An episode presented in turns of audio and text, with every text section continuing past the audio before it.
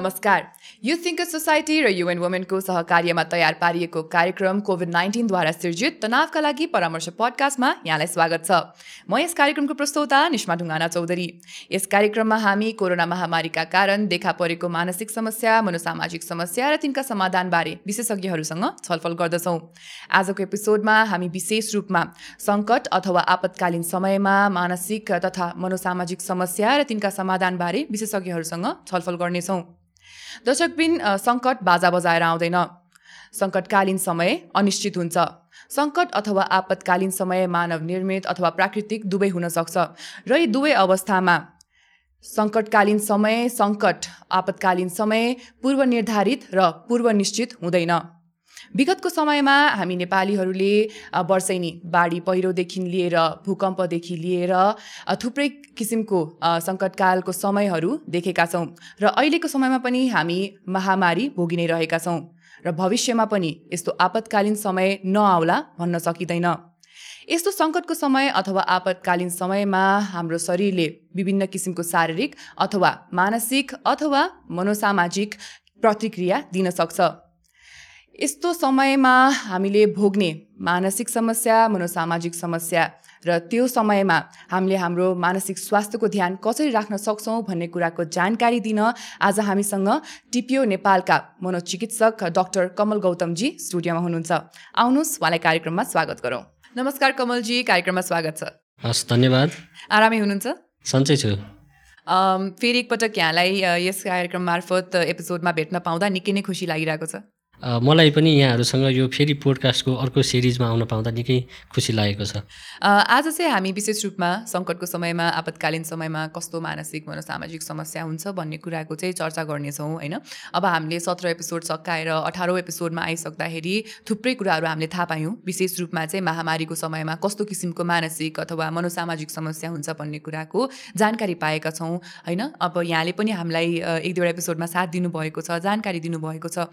अब महामारी त एक किसिमको सङ्कट भयो अथवा आपतकालीन समय भयो हामी सबैले भोगि नै रहेका छौँ। अघि मैले भने जसरी नै हामीले विगतका रूपमा अरू आपतकालीन अथवा सङ्कटको समय पनि देखेका छौँ होइन?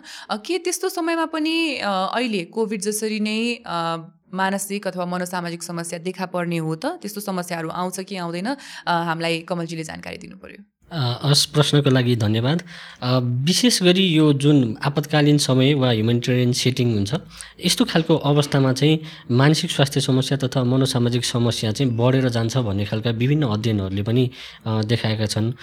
यस क्रममा विश्व स्वास्थ्य सङ्गठन डब्लुएचओ र United Nations High Commissioner for रिफ्युजिजले सन् दुई हजार बाह्रमा एउटा अध्ययन गरी उहाँले एउटा नतिजा प्रकाशन गर्नुभएको थियो। र सो अध्ययनले पनि यस्तो खालको समस्या चाहिँ बढेर जान्छ भनेर देखाएको छ। र के भनिन्छ भन्दा सामान्यतया गम्भीर खालको मानसिक स्वास्थ्य समस्या कडा खालको मानसिक स्वास्थ्य समस्याले चाहिँ कुल जनसङ्ख्याको एकदेखि दुई प्रतिशत व्यक्तिहरूलाई प्रभावित पार्छ भन्ने खालको पाइएको छ। र सँगसँगै साधारणतया देखिने मानसिक स्वास्थ्य समस्या वा कमन मेन्टल डिसअर्डर्स भन्छौँ हामीले। यस्ता खालका समस्या चाहिँ दस प्रतिशत व्यक्तिहरू चाहिँ यसबाट प्रभावित हुन्छन् भनेर तथ्याङ्क आएको छ। र सोही अध्ययनले के देखाउँछ त भन्दाखेरि यस्ता खालका आपतकालीन अवस्था विपदको अवस्थामा चाहिँ साधारणतया देखिने मानसिक स्वास्थ्य समस्या चाहिँ दस प्रतिशतबाट बढेर पन्ध्रदेखि बिस प्रतिशतसम्म मानिसहरूलाई चाहिँ यसले असर गर्छ भनेर देखाएको छ भने त्यसै गरी गम्भीर खालको मानसिक स्वास्थ्य समस्या चाहिँ एकदेखि दुई प्रतिशतमा रहेको अवस्थाबाट बढेर दुईदेखि तिन प्रतिशतसम्म व्यक्तिहरूलाई चाहिँ यसले असर गर्छ भनेर देखाएको छ। र यही अध्ययनको नतिजा अनुसार पनि हामी के मान्न सक्छौँ भन्दा भूकम्प त्यसै गरी कोभिड नाइन्टिनको महामारी भूक्षय पहिरो बाढी आदि यस्ता खालका आपतकालीन अवस्थामा चाहिँ मानसिक स्वास्थ्य समस्या तथा मनोसामाजिक समस्याले चाहिँ धेरैजसो व्यक्तिहरूलाई प्रभावित पार्छ भनेर चाहिँ हामीले मान्न सक्छौँ। कमलजीले थुप्रै तथ्याङ्कहरू दिनुभयो भर्खरै। यी तथ्याङ्कहरू हेरिसक्दाखेरि चाहिँ नेपालमा मात्र नभएर विश्वव्यापी रूपमा पनि सङ्कटको समय अथवा आपतकालीन समयमा चाहिँ मानसिक अथवा मनोसामाजिक समस्याहरू चाहिँ बढ्ने कुराको जानकारी हामीले पायौँ। अब सङ्कटको समयकै कुरा गर्ने हो भने पछिल्लो समयमा हामीले नेपालीहरूले भोगेको ठुलो आपतकालीन समय भनेको दुई हजार पन्ध्रको भूकम्प पनि हो। र दुई हजार पन्ध्रको भूकम्पको समयमा यहाँले पनि आफ्नो संस्था मार्फत थुप्रै व्यक्तिहरूलाई सेवा प्रदान गर्नुभएको थियो। हामी सबैलाई जानकारी नै छ होइन? र त्यो समयमा चाहिँ यहाँले भूकम्प पीडित व्यक्तिहरूमा अथवा अन्य जनमानसमा पनि कस्तो किसिमको मानसिक अथवा मनस सामाजिक समस्याहरू देख्नुभयो त? हजुर अब टिपिओ नेपालले चाहिँ भूकम्पको बेलामा चाहिँ विभिन्न चौधवटा जिल्ला जुन भूकम्प प्रभावित जिल्लाहरूमा चाहिँ समुदायमा आधारित मानसिक स्वास्थ्य सेवाका कार्यक्रमहरू सञ्चालन गरेको थियो। र त्यही क्रममा चाहिँ भूकम्प गएको तिन महिना पश्चात काठमाडौँ नुवाकोट र सिन्धुपाल्चोकमा हामीले भूकम्प पश्चात मानिसहरूमा चाहिँ कस्तो खालको मानसिक तथा मनोसामाजिक प्रभाव परेको छ भनेर एउटा अध्ययन पनि गरेका थियौँ। र सो अध्ययनमा चाहिँ हामीले यी तिनवटा जिल्लाबाट लगभग पाँच सय उन्नाइसजना व्यक्तिहरूसँग चाहिँ विभिन्न खालका टुल्सहरू र क्वेसनरहरू प्रयोग गरेर चाहिँ उहाँहरूको मानसिक स्वास्थ्य अवस्थाको पहिचान गर्ने जमर्को गरेका थियौँ। र सो क्रममा के पाइयो भन्दा लगभग ती पाँच सय उन्नाइसजना व्यक्तिहरूमध्ये चौतिस प्रतिशत व्यक्तिहरूमा चाहिँ डिप्रेसनका समस्या लक्षणहरू पाइयो भने तेत्तिस प्रतिशत व्यक्तिहरूमा एङ्जाइटी डिसअर्डर वा चिन्ता रोगका लक्षणहरू पाइयो। र यसले के देखायो त भन्दा भूकम्पले पक्कै पनि मानिसहरूमा मानसिक स्वास्थ्यमा प्रभाव पारेको छ भन्ने कुरा देखायो।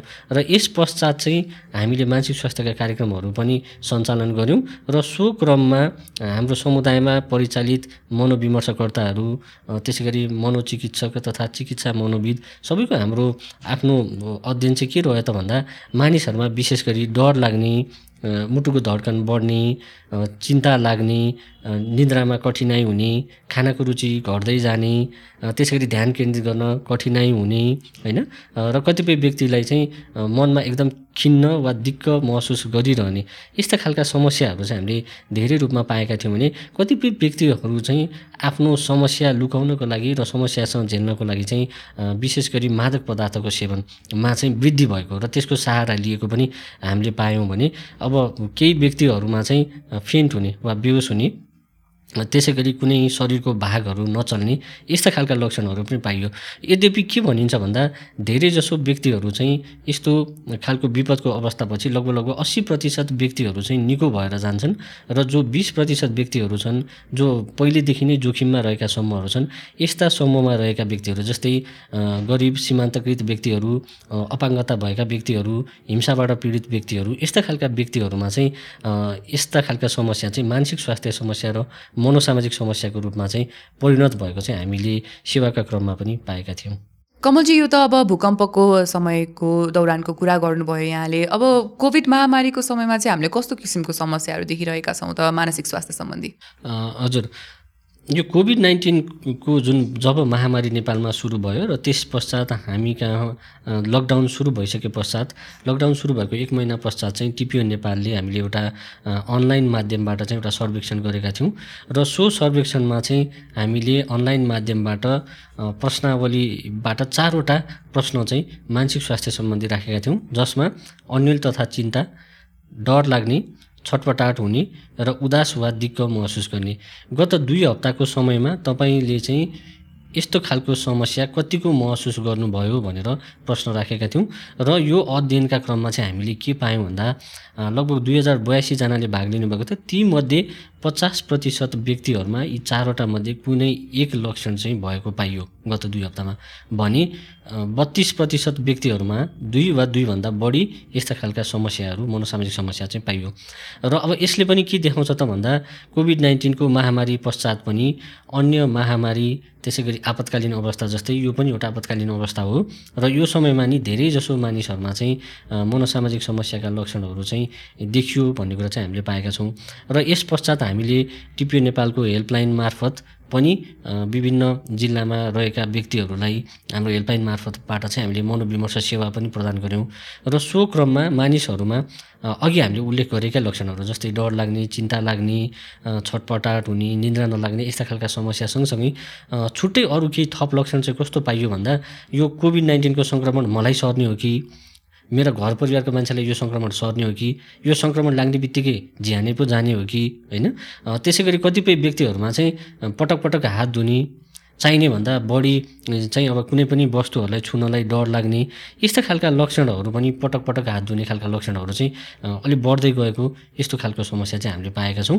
र यो क्रममा विशेष गरी चिन्ताजन्य समस्या वा एङ्जाइटी डिसअर्डरका लक्षणहरू र डिप्रेसनका समस्याहरू नै बढी चाहिँ हामीले पाएका छौँ। यहाँले भर्खरै भूकम्पको समयमा कस्तो किसिमको मानसिक स्वास्थ्य सम्बन्धी समस्याहरू आउन सक्छन् प्रतिक्रिया आउन सक्छन् भन्ने कुरा बताउनु भयो साथै भर्खरै हामीले कोरोना महामारीको समयमा पनि कस्तो किसिमको प्रतिक्रियाहरू आउँछ भन्ने कुरा चाहिँ थाहा पायौँ होइन। अब यसमा चाहिँ कस्तो किसिमको जिज्ञासा आयो मलाई भन्दा के फरक फरक सङ्कटको समयमा आपतकालीन समयमा फरक फरक किसिमको मानसिक अथवा मनोसामाजिक समस्याहरू देखा पर्ने हो कि लगभग यसमा उस्तै किसिमको चाहिँ समस्याहरू देखा पर्छन् त? हजुर अब अत्यन्त राम्रो प्रश्न। अब यसमा चाहिँ मलाई के लाग्छ भने प्राय जसो हामीसँग साधारणतया देखिने मानसिक स्वास्थ्य समस्या र गम्भीर खालका मानसिक स्वास्थ्य समस्या र मनोसामाजिक समस्याहरू छन्। र कुनै पनि घटना भनेको एउटा सामाजिक घटना हो र यो सामाजिक रूपमा हुने यस्ता खालका घटना परिवेशले मानिसहरूमा मानसिक स्वास्थ्य समस्या र मनोसामाजिक समस्या जन्माउँछन्। र यो क्रममा प्राय अघि हामीले उल्लेख गरेका जस्ता समस्या नै देखा पर्छन् र त्यति धेरै भिन्नता भने नहुन सक्छ। तर पनि कुनै एउटा घटना र परिवेश अनुसार केही अलि छुट्टै खालका लक्षणहरू भने देखिन सक्छन्। जस्तै भूकम्पको बेलामा चाहिँ अलिकति केही हल्लिँदाखेरि पनि भूकम्प नै आयो कि जस्तो लाग्ने रिङटा लागे जस्तो लाग्ने घरभित्र पस्नलाई पनि डर लाग्ने यस्ता खालका समस्याहरू अलिक बढी पाइएको थियो भने अब अहिले कोभिडको समयमा हामीले हेर्ने हो भने अब कोभिडको सङ्क्रमण मलाई सर्ने हो कि मेरा घर परिवारलाई सर्ने हो कि कोभिड नाइन्टिनबाट झ्यानै जाने हो कि होइन? र पटक पटक हात धुन मन लाग्ने यस्ता खालको समस्याहरू पनि पाइएको छ। त्यो भएको हुँदा प्रायः जसो हामीले देखिने समस्या उस्तै हुन सक्छन् तर यस्ता खालका परिवेशअनुसार केही भिन्न खालका केही लक्षणहरू भने देखिन सकिन्छ। हामीले अहिलेको प्रश्नमा आइसक्दाखेरि चाहिँ अब यहाँले थुप्रै किसिमको प्रतिक्रिया आउँछ हाम्रो शारीरिक मानसिक प्रतिक्रिया थुप्रै किसिमको आउँछ भन्ने कुरा त बताइसक्नुभयो होइन? अब मानिसले किन यस्तो किसिमको प्रतिक्रिया दिन्छन् त? यसको पछाडि कुनै वैज्ञानिक कारणहरू छन् कि? हजुर। विशेष गरी कुनै पनि घटना पश्चात चाहिँ त्यो घटनाले मानिसको ब्रेनमा असर गर्छ। दिमाग किनभने हाम्रो दिमागले सोच्ने त्यसलाई एनालाइज गर्ने र त्यसपछि प्रतिक्रिया देखाउने गर्दछ। र कुनै पनि व्यक्तिले सोच्ने प्रवृत्ति भनेको उसको दिमागमा रहने विभिन्न खालका केमिकलहरू रसायनहरू छन् त्यो रासायनिक परिवर्तनले चाहिँ उसको दिमागमा असर गर्छ।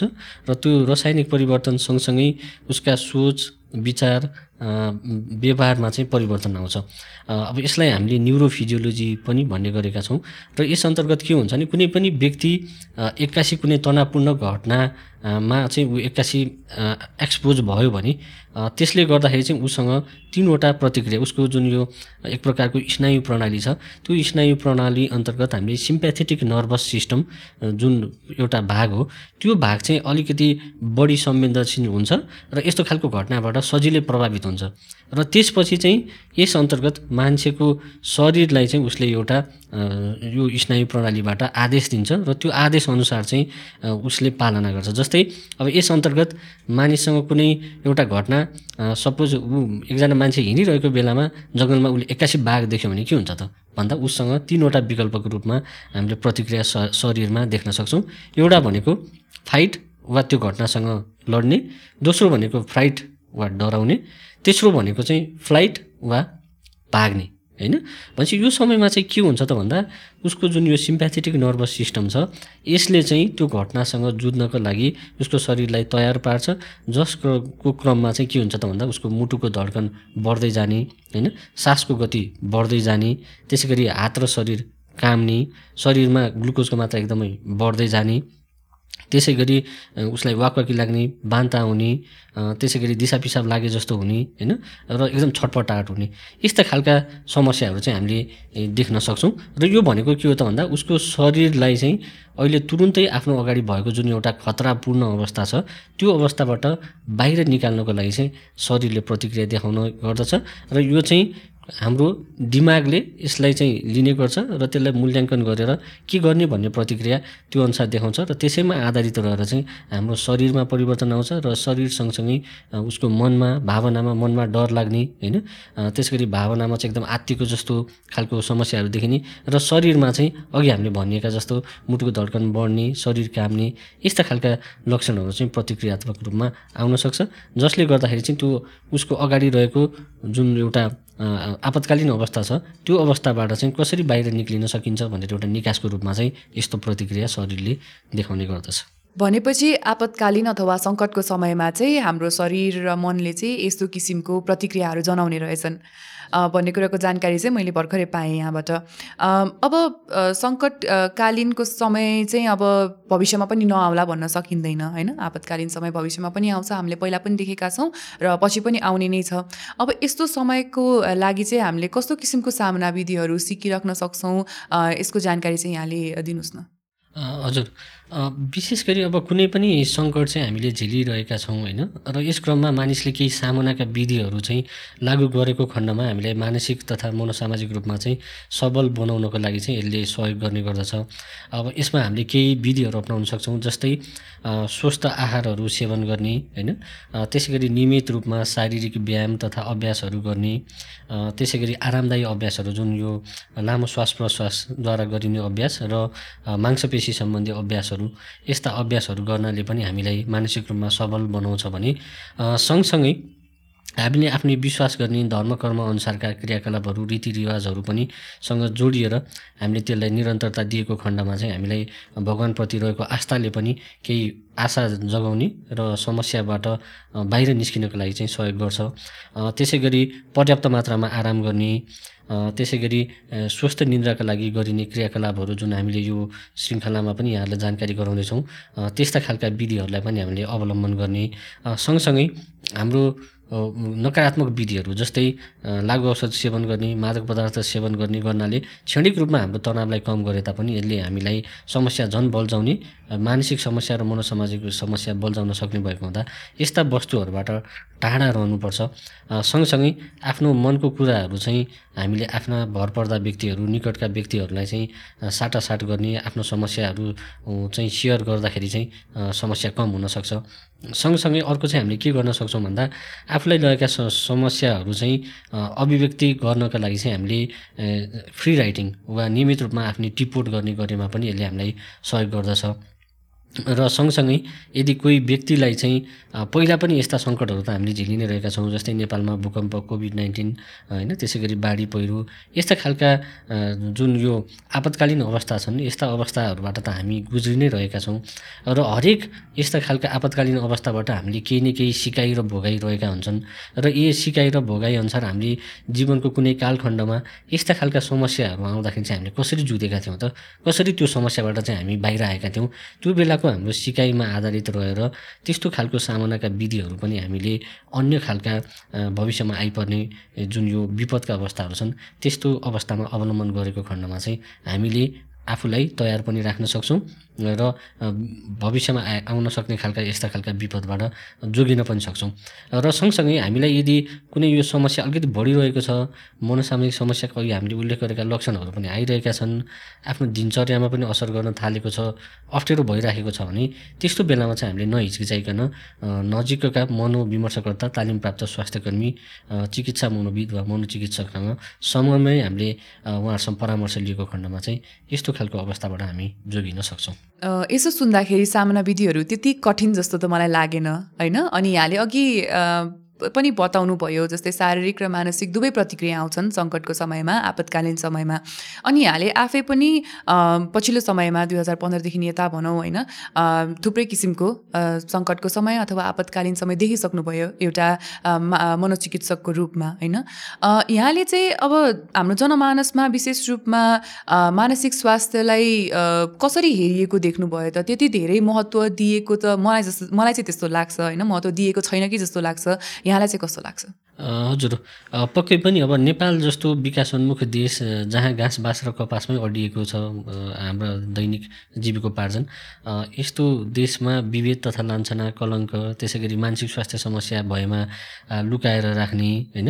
र कतिपय समय चाहिँ यो समस्या भएमा कहाँ जाने भनेर मान्छेहरूसँग सूचना नभएको अवस्था र जानकारी नभएको अवस्थाले गर्दाखेरि पनि यस्तो खालको महत्त्व चाहिँ दिएको पक्कै पनि पाइँदैन। तर हामीले के बुझ्न जरुरी छ भन्दा हाम्रो शारीरिक स्वास्थ्य सँगसँगै मानसिक स्वास्थ्य पनि हाम्रो स्वास्थ्यको एउटा पाटो हो। मानसिक स्वास्थ्य बिना हाम्रो स्वास्थ्य सम्भव छैन। तसर्थ हामीले आफ्नो शारीरिक स्वास्थ्य सँगसँगै मानसिक स्वास्थ्यले पनि शारीरिक स्वास्थ्यलाई प्रभाव पार्न सक्छ विभिन्न खालका रोगहरू पनि ल्याउन सक्दछ। त्यसैले यस्तो आपतकालीन अवस्थामा चाहिँ हामीले मानसिक स्वास्थ्यलाई पनि उत्तिकै जरुरी दिनु आवश्यक छ। र यस क्रममा हामीले उद्धारका राहतका कार्यक्रममा पनि जुन यो उहाँहरूलाई सहयोग गर्ने क्रममा चाहिँ साइकोलोजिकल फर्स्ट एडको जुन हाम्रो प्राथमिक मनोवैज्ञानिक सहयोगको अवधारणा छ यो अवधारणाले पनि के भन्छ भन्दा उहाँहरूको कुरा सुनिदिने उहाँहरूलाई अन्य सहयोगसँग पनि उहाँहरूलाई जोडिदिने यस्तो खालको कुराहरू राहतको प्याकेजहरूसँग जोडिदिने यो कुरालाई महत्त्व दिन्छ भने हामीले यसले शारीरिक स्वास्थ्यलाई पनि महत्त्व दिएको छ। त्यसैले हामीले महत्त्व दिनुपर्छ र यस क्रममा विभिन्न खालका हेल्पलाइनहरू पनि सञ्चालनमा आएका हुन्छन् क्राइसिसका हेल्पलाइनहरू त्यसै गरी आत्महत्या रोकथामका हेल्पलाइनहरू त्यसै गरी टिपिए नेपालले हामीले सञ्चालन गरेको हेल्पलाइन पनि नियमित रूपमा चलेको र आपतकालीन अवस्थामा यो अझ बढी समय र हप्ताका सातै दिन सञ्चालित हुने भएको हुँदा यस्ता खालका हेल्पलाइन नम्बरबाट पनि हामीले सहयोग चाहिँ लिनुपर्दछ जस्तो मलाई लाग्छ। पक्कै पनि कमलजी हाम्रो शारीरिक स्वास्थ्य जसरी नै मानसिक स्वास्थ्य पनि महत्त्वपूर्ण छ र कमलजीले बताए जसरी नै यदि हामीलाई त्यस्तो समस्या महसुस भइरहेको छ भने आफ्नो नजिकको व्यक्तिहरूलाई बताउनेदेखि लिएर परामर्श लिनुपर्छ भने परामर्श लिने काम पनि गर्नु नै पर्यो होइन। यहाँले संस्थाहरूको नाम पनि बताउनु भयो ती संस्थाहरूको नम्बर चाहिँ हामीले हाम्रो स्क्रिनमा देखाउनेछौँ यस कार्यक्रमको अन्त्यमा। अब भने हामी हाम्रो कार्यक्रमको अर्को भागतर्फ लाग्नेछौँ। यसमा चाहिँ हामी सत्य वा अफवाहको खुलासा गर्नेछौँ। कोभिड महामारी सुरु भए यता चाहिँ थुप्रै किसिमको कुराकानीहरू चर्चाको विषयहरू चाहिँ हाम्रो समुदायमा देखा पर्यो होइन? र तीमध्ये केही चाहिँ तथ्य छन् भने केही चाहिँ अफवाह छन्। र आज चाहिँ कुन चर्चाको विषय मैले उठाउन चाहेँ भन्दा फाइभ जी नेटवर्कको सम्बन्धमा। अहिले कोभिड महामारी सुरु भए यता चाहिँ अब केही व्यक्तिहरूमा चाहिँ फाइभ जी नेटवर्कद्वारा चाहिँ कोरोना महामारी सर्छ भन्ने किसिमको चाहिँ चर्चाको विषय उठ्यो। यो तथ्य हो वा अफवाह भन्ने कुराको खुलासा चाहिँ यहाँले गरिदिनु पर्यो। हजुर। पक्कै पनि यो अफवाह हो। विश्व स्वास्थ्य सङ्गठनका अनुसार कोभिड नाइन्टिन भनेको कोरोना भाइरसको सङ्क्रमणबाट हुने एक रोग हो। र विश्व स्वास्थ्य सङ्गठनका अनुसार यस रोग कुनै पनि व्यक्तिले को श्वास प्रश्वास प्रणालीबाट एक व्यक्तिबाट अर्को व्यक्तिमा सर्छ। यस क्रममा त्यस व्यक्तिको श्वास प्रश्वासबाट निस्किने जुन रियाल सिँगान फिज वा कणहरूबाट चाहिँ अर्को व्यक्तिमा सर्ने गर्दछ। त्यसै गरी सङ्क्रमित व्यक्तिले छोएका वा प्रयोग गरेका विभिन्न खालका दूषित सतहबाट पनि त्यो सतहबाट अर्को व्यक्तिको नाक वा मुखमा संसर्गमा आए आएमा चाहिँ यस सङ्क्रमण सर्ने गर्दछ। कुनै पनि नेटवर्क वा सञ्चार माध्यमबाट एक व्यक्तिबाट अर्को व्यक्तिमा भने यो सङ्क्रमण सर्ने गर्दैन। भनेपछि कमलजी यो अफवाह हो। हजुर पक्कै पनि अफवाह हो। फाइभ जी नेटवर्कबाट चाहिँ कोरोना महामारी कोभिड नाइन्टिन सर्दैन। सर्दैन। अब भने हामी हाम्रो कार्यक्रमको अर्को भागतर्फ लाग्छौँ। हरेक एपिसोडमा हामीले हामीहरूको दर्शक श्रोताहरूलाई मानसिक स्वास्थ्यलाई सहज बनाउनको लागि केही व्यायामहरू सिकाउने गर्दछौँ। आज कमलजीले हामीलाई कुन व्यायाम सिकाउँदै हुनुहुन्छ? आज चाहिँ म यहाँहरू समक्ष एउटा अभ्यास जसलाई हामी गाइडेड इमेजरी भन्छौँ यो अभ्यास लिएर आएको छु। हजुर। यसको फाइदाहरू के के छन्? विशेष गरी गाइडेड इमेजरी भनेको एउटा जुन अभ्यास हो यसले चाहिँ मानिसलाई विभिन्न तनावग्रस्त भएको अवस्थामा विशेष गरी एकदम छटपटाट भएको र चिन्तित भएको अवस्थामा चाहिँ यसले हामीलाई तुरुन्तै आराम दिन र हामीलाई खुसी महसुस बनाउनको लागि चाहिँ यसले सहयोग पुर्याउँछ।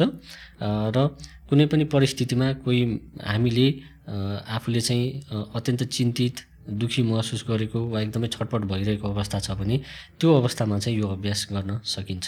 हजुर सुरु गरौँ त्यसो भए। हस्। सबैभन्दा पहिला तपाईँहरू आफूलाई सजिलो लाग्ने एउटा आसनमा बस्नुहोस्।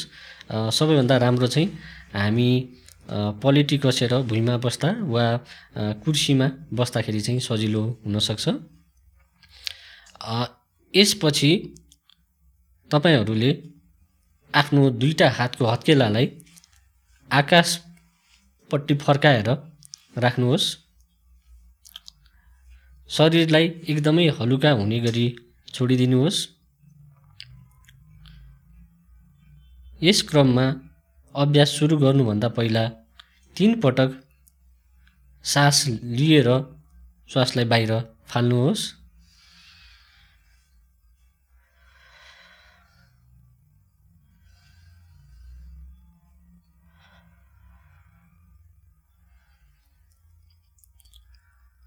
अब आफ्नो आँखाको ठिक अगाडि तपाईँले के देख्नुहुन्छ त्यो वस्तुमा आँखाको ध्यान केन्द्रित गर्नुहोस्।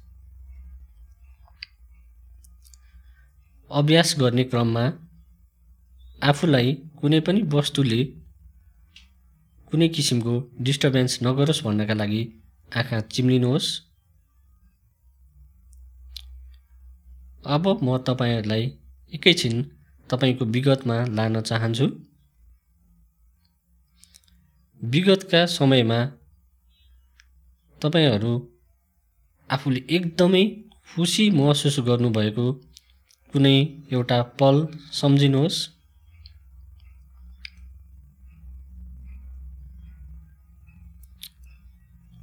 अब आफूलाई त्यो पलमा लाने प्रयास गर्नुहोस्। सम्झिनुहोस् त्यो पल तपाईँ कहाँ हुनुहुन्थ्यो?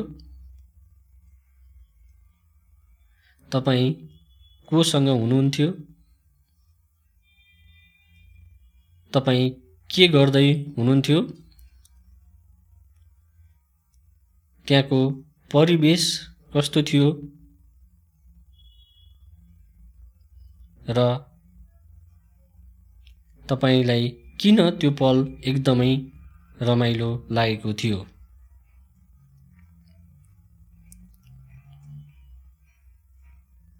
अझै आफूलाई त्यो समयमा लैजानुहोस्।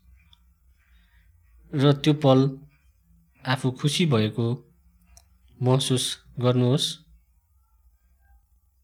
जस्तै त्यो पल तपाईँले कोही आफन्तजन भेटेको समय हुन सक्दछ। त्यो पल आफूले जीवनमा कुनै ठुलो उपलब्धि पाएको अवस्था हुन सक्दछ। वा एकदमै खुसीको समाचार सुनेको अवस्था पनि हुन सक्दछ। यस क्रममा यो सोचिसके पश्चात तपाईँले आफ्नो मनमा आफ्नो शरीरमा अहिले कस्तो महसुस गरिरहनु भएको छ याद गर्नुहोस्। यस्ता रमाइला क्षणहरू सम्झिँदा हाम्रो दिमागबाट जुन अघि हामीले भनेका शारीरिक परिवर्तनहरू रासायनिक परिवर्तनहरू आउँछन्। यसले हामीलाई मनमा रमाइलो महसुस गराउँछ। हाम्रो मांसपेशीहरूलाई खुम्चेको अवस्थाबाट आरामको अवस्थामा लैजान्छ र हाम्रो मन भित्रैबाट हर्षित हुन्छ। केही समय अघि हामीले भनेको जस्तै तपाईँ कहाँ हुनुहुन्थ्यो? कोसँग हुनुहुन्थ्यो? के गर्दै हुनुहुन्थ्यो? र त्यो परिवेशमा के भएको थियो? परिकल्पना गर्नुहोस् र त्यसमा रमाउने प्रयास गर्नुहोस्। यस क्रममा नियमित रूपमा बिस्तारै बिस्तारै बिस्तारै श्वास लिने र फाल्ने प्रक्रियालाई पनि निरन्तरता दिनुहोस्। यो प्रक्रियालाई तिन मिनटसम्म निरन्तरता दिनुहोस्।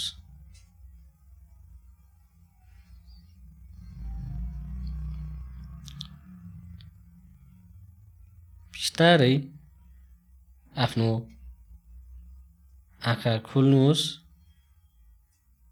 र अघि आँखा चिम्लिनु अगाडि तपाईँको अगाडि जे वस्तु थियो त्यो वस्तुलाई बिस्तारै हेर्नुहोस्। बिस्तारै आफ्नो हातलाई पनि आफ्नो साधारण आसनमा ल्याउनुहोस्। हस् पक्कै पनि तपाईँहरूलाई यो अभ्यासले केही आराम महसुस गरायो होला जस्तो मलाई लाग्छ। र नियमित रूपमा यो अभ्यास गर्नुभएको खण्डमा र आफूलाई तनाव चिन्ता तथा छटपटाट भएको अवस्थामा यो अभ्यास गर्नुभयो भने तपाईँलाई यसले मानसिक रूपमा स्वस्थ रहन र मनलाई हर्षित तुल्याउन महत्त्वपूर्ण सहयोग गर्नेछ भन्ने मैले अपेक्षा लिएको छु। धन्यवाद कमलजी मलाई एकदमै मैले भर्खरै पनि यहाँसँगै गरेँ होइन। यो अभ्यास यो व्यायाम र मलाई एकदमै आनन्दित अनुभव भयो। पक्कै पनि हाम्रो दर्शक श्रोतालाई पनि यसले आनन्दित अनुभव हुन्छ भन्ने कुराको हामी आशा राख्न सक्छौँ। र आज सङ्कटको समयमा अथवा आपतकालीन समयमा कस्तो किसिमको मानसिक समस्याहरू आउन सक्छन् मनोसामाजिक समस्याहरू आउन सक्छन् र त्यसका समाधानहरू के के हुन सक्छन् भन्ने कुराको जति जानकारी यहाँले दिनुभयो त्यसले पनि पक्कै पनि हाम्रो दर्शक श्रोताहरूलाई चाहिँ सहयोग गर्छ जानकारी दिन्छ भन्नेमा आशा गर्छु। आजको यहाँको समयको लागि धेरै धेरै धन्यवाद। हस् धन्यवाद। यस पडकास्ट मार्फत हामीले मानसिक स्वास्थ्य सम्बन्धी चेतना ल्याउने मूल उद्देश्य राखेका छौँ। आजको एपिसोडबाट यहाँलाई मानसिक स्वास्थ्य सम्बन्धी जानकारी भयो होला भन्ने हामी आशा राख्छौँ। यस कार्यक्रमलाई सुन्नका लागि यहाँले हामीलाई वाइटिएस केयरको सामाजिक सञ्जाल र युथ थिङ्कर सोसाइटीको वेबसाइटमा पनि भेटाउन सक्नुहुन्छ। यति मात्र नभए यो कार्यक्रम प्रदेश नम्बर दुई र सुदूरपश्चिम प्रदेशको रेडियो एफएममा पनि प्रसारण हुने गर्दछ।